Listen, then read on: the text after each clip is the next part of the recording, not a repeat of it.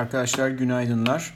Ee, bu sabah piyasalarda en çok konuşulan konuların başında tabii ki Amerika-Çin arasındaki gerginlikten e, gerginlik ve bundan doğan e, endekslerde dün Amerika'da yakalanan momentumun Asya'da takip edilememesi ve e, Yuan'ın e, yaklaşık olarak Ağustos 2019'dan bu yana en düşük seviyelere kadar dolar karşısında gerilemesi. E, şimdi endeksler tarafında e, ilginç bir şekilde e, çok ciddi bir fiyatlama henüz yok. Ama e, dün e, Amerika'dan yapılan, Amerikan tarafından yapılan bir açıklamada hafta sonuna kadar bu konuyla ilgili somut bir adım görüleceği söyleniyor.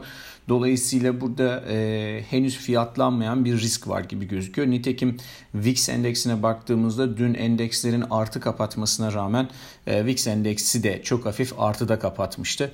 E, daha fazla VIX'i aşağı doğru sallamak istemiyor gibi gözüküyor piyasa şimdilik. E, muhtemelen e, olası risklere karşı pozisyonlanmalar aslında aşağıdan aşağıdan başlamışlardır. Yani dünkü yükselişte e, okuduğum bir iki trader yazısında zaten gördüm bunları e, yükselişi e, aşağı yönlü hedge'lerle ufak ufak cover etmeye başladıkları söyleniyor. E, bunun haricinde Yuan tarafında e, neden Yuan aslında önemli? E, bizim yakından takip ettiğimiz enstrümanlardan, kıymetli madenlerden altınla Yuan arasında geçmişte e, yakın bir korelasyon olduğunu konuşabiliriz aslında. Bu anlamda baktığımız zaman dolar yuan paritesi yukarı doğru gittiğinde yani yuan zayıfladığında e, altın fiyatlarında da yukarı doğru bir hareketlilik olduğunu geçmişte birçok kez gördük. Şu anda durum bu şekilde çalışmadı. E, altın aşağı geliyor hepimizi takip ediyoruz zaten. Yuan ise yukarı gidiyor. E, dolayısıyla e, altın ve gümüş henüz buradaki risk fiyatlamasına onlar da katılmış değil. Ancak e, her ne kadar bizim görüşümüz altın fiyatlarının nitekim bununla birlikte gümüş fiyatlarının da aşağı doğru gelme eğiliminde olacağını düşünsek de beklentimiz bu yönde olsa da şu anda başka bir risk faktörü bizim görüşümüzün karşısında durmaya başladı. Dolayısıyla eğer short pozisyonlar varsa e, Çin-Amerika arasındaki haberleri yakından takip etmelerinde e, çok fayda olacaktır. E, diğer yandan altına yönelik baktığımızda 18 Mayıs'tan bu yana belirgin bir düşen kanal içinde %3,5 kadar şimdilik zirveden değer kaybetmiş durumda.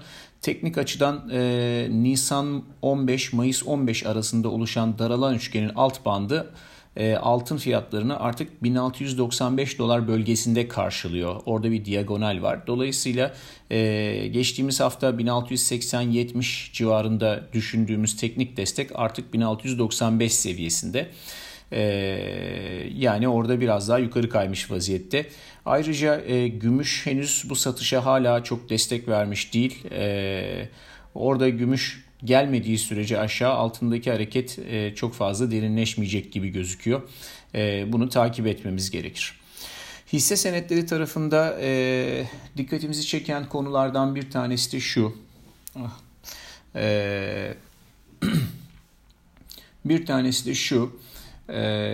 New York Fang endeksine baktığımızda ki bunun içinde Facebook, Twitter, Nvidia, Apple, e, Google, Tesla, Baidu, Amazon, Netflix ve Alibaba var. E, bu hisselere baktığımızda bunların bunlardan oluşan endekse baktığımızda dün hem yeni yüksek yapmadı hem de e, kazançların hepsini geri verdi. E, şimdi bunlar e, endekslerdeki işlem hacminin en yüksek döndüğü e, ve endeks hacminin çoğunluğunun oluştuğu sürücü hisseler olması itibariyle e, takip edilecek önemli bir grup. E, dolayısıyla e, S&P endeksi son zamanların yeni yükseğini yaparken, e, hareketli ortalamanın üzerine giderken, Nasdaq endeksi yine son zamanların en yükseğini yapıp ama kırmızıda kapatırken bu hisse grubunun yeni yüksek yapamamış olması ve dünkü kazanımların hep, hemen hemen hepsini geri vermiş olması e, endekslerde yukarı gitme olasılığının biraz daha teknik anlamda azaldığını ve perdenin arkasında aslında yatırımcıların e, hisse pozisyonlarını bir miktar galiba küçültmeye gittiğini düşündürüyor. O anlamda e, elinde hisse bulunduranların dikkat etmesinde fayda var. E, petrol tarafında zaten çok söyleyeceğimiz bir şey yok. E, yeni bir şey yok. E, çünkü orada hatırlanacağı üzere 34, e, 33,5-37,5 arasında bir e, rezistans koridoru olduğunu söylemiştik ve o koridora geldiğinde piyasanın artık yükselişe ara vereceğini ve belki de bir, bir miktar satış görebileceğini söylemiştik. Şimdi e, CFTC pozisyon derinliği raporuna baktığımızda bu görüşümüzü destekler bir e, faktöre rastladım. Şöyle ki e, büyük spekülatörlerin calendar spread dediğimiz vade farklarına dayalı e, opsiyon stratejilerindeki aldıkları pozisyonların değişimini gördüğümüz ekranında e, short e, calendar spread short pozisyonlarının e, son zamanların en yüksek seviyesine kadar yani 2000 19'un son çeyreğinde görülenden en yüksek seviyesine kadar geldiğini görüyoruz. Daha önce böyle bir durum olduğunda yani e, calendar spread short pozisyonlar arttığında ama buna karşılık long pozisyonların artmadığı zamanda e, ki bu 2015'te olmuş e, piyasa takip eden 3 ay boyunca yatay hareket etmiş. Bu aslında son derece mantıklı çünkü calendar spread dediğiniz yani short calendar spread dediğiniz e, yapı aslında yakın vade opsiyonu alarak uzak vadede aynı e, strike'daki opsiyonu satmaya dayanır. Bunu ne zaman yaparsınız? Bunu hem call opsiyonlarıyla hem put opsiyonlarıyla yaparsınız. Tercih edeceğiniz zaman ise piyasada e, kısa vadede e, aşağı veya yukarı kol veya putla yaptığınıza göre değişir. Aşağı veya yukarı yönlü bir miktar kısa vadede hareket beklentiniz varsa ama karşılığında da uzun vadede piyasanın aslında yatay kalacağını beklediğiniz zamanlarda yaparsınız. Bu arada kısa vade ile uzun vade arasındaki fark aslında hani bir ay iki ay kısa vadeyi düşünebilirsiniz. Maksimum uzun vadeyi de 3 ay 6 ay arası düşünebilirsiniz. Dolayısıyla piyasadaki geçmişteki yapılanma bu yapılanmanın olduğu dönemdeki fiyat hareketi sonucu desteklemiş, beklentiyi desteklemiş. Şu anda da böyle bir durum söz konusu. Short calendar spread pozisyonları e, aşırı yükselmiş vaziyette. Bu da bize piyasanın e, bu fiyat civarında bir süre aşağı yukarı oynayacağını ve marjinal hareketler içerisinde, ufak hareketler içerisinde kalacağını ve alıp başını ne aşağı ne de yukarı gitmeyeceğini bize gösteriyor.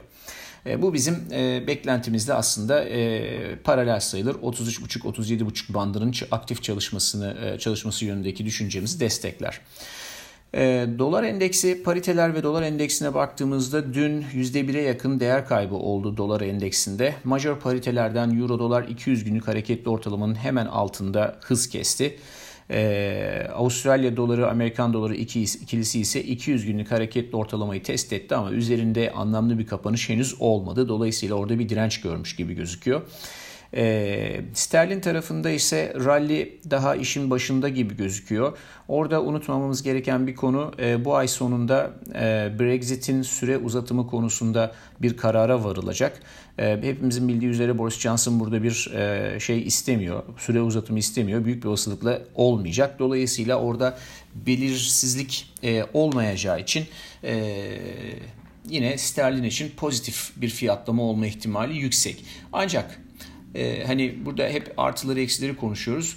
Şeyi de e, negatif potansiyeli de söylemek lazım. Eğer Amerika-Çin arasındaki jeopolitik riskler eskale olursa e, bu durumda bir miktar piyasada e, kaliteye kaçış olabilir. Bu anlamda da e, biraz daha piyasa dolar alıcısı olabilir. Yani gelişmeleri takip etmek lazım. Genel itibariyle teknik olarak e, hem e, Euro'da hem Aussie'de, Avustralya dolarında piyasa zaten e, yapabileceğinin en iyisini şu anda yapmış gibi gözüküyor mevcut dinamikler içerisinde.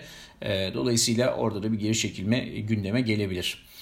Ee, son olarak bugünün önemli takvim olayları arasında Fransa'nın tüketici ve imalat güven endeksleri, sonrasında Avrupa Merkez Bankası Başkanı Christine Lagarde ve Başkan Yardımcısı Guindos'un konuşmaları olacak. Fed tarafında ise James Bullard'ın konuşması ve 5 kitap verisi açıklanacak. Bugünlük de bu kadar. Herkese iyi seanslar.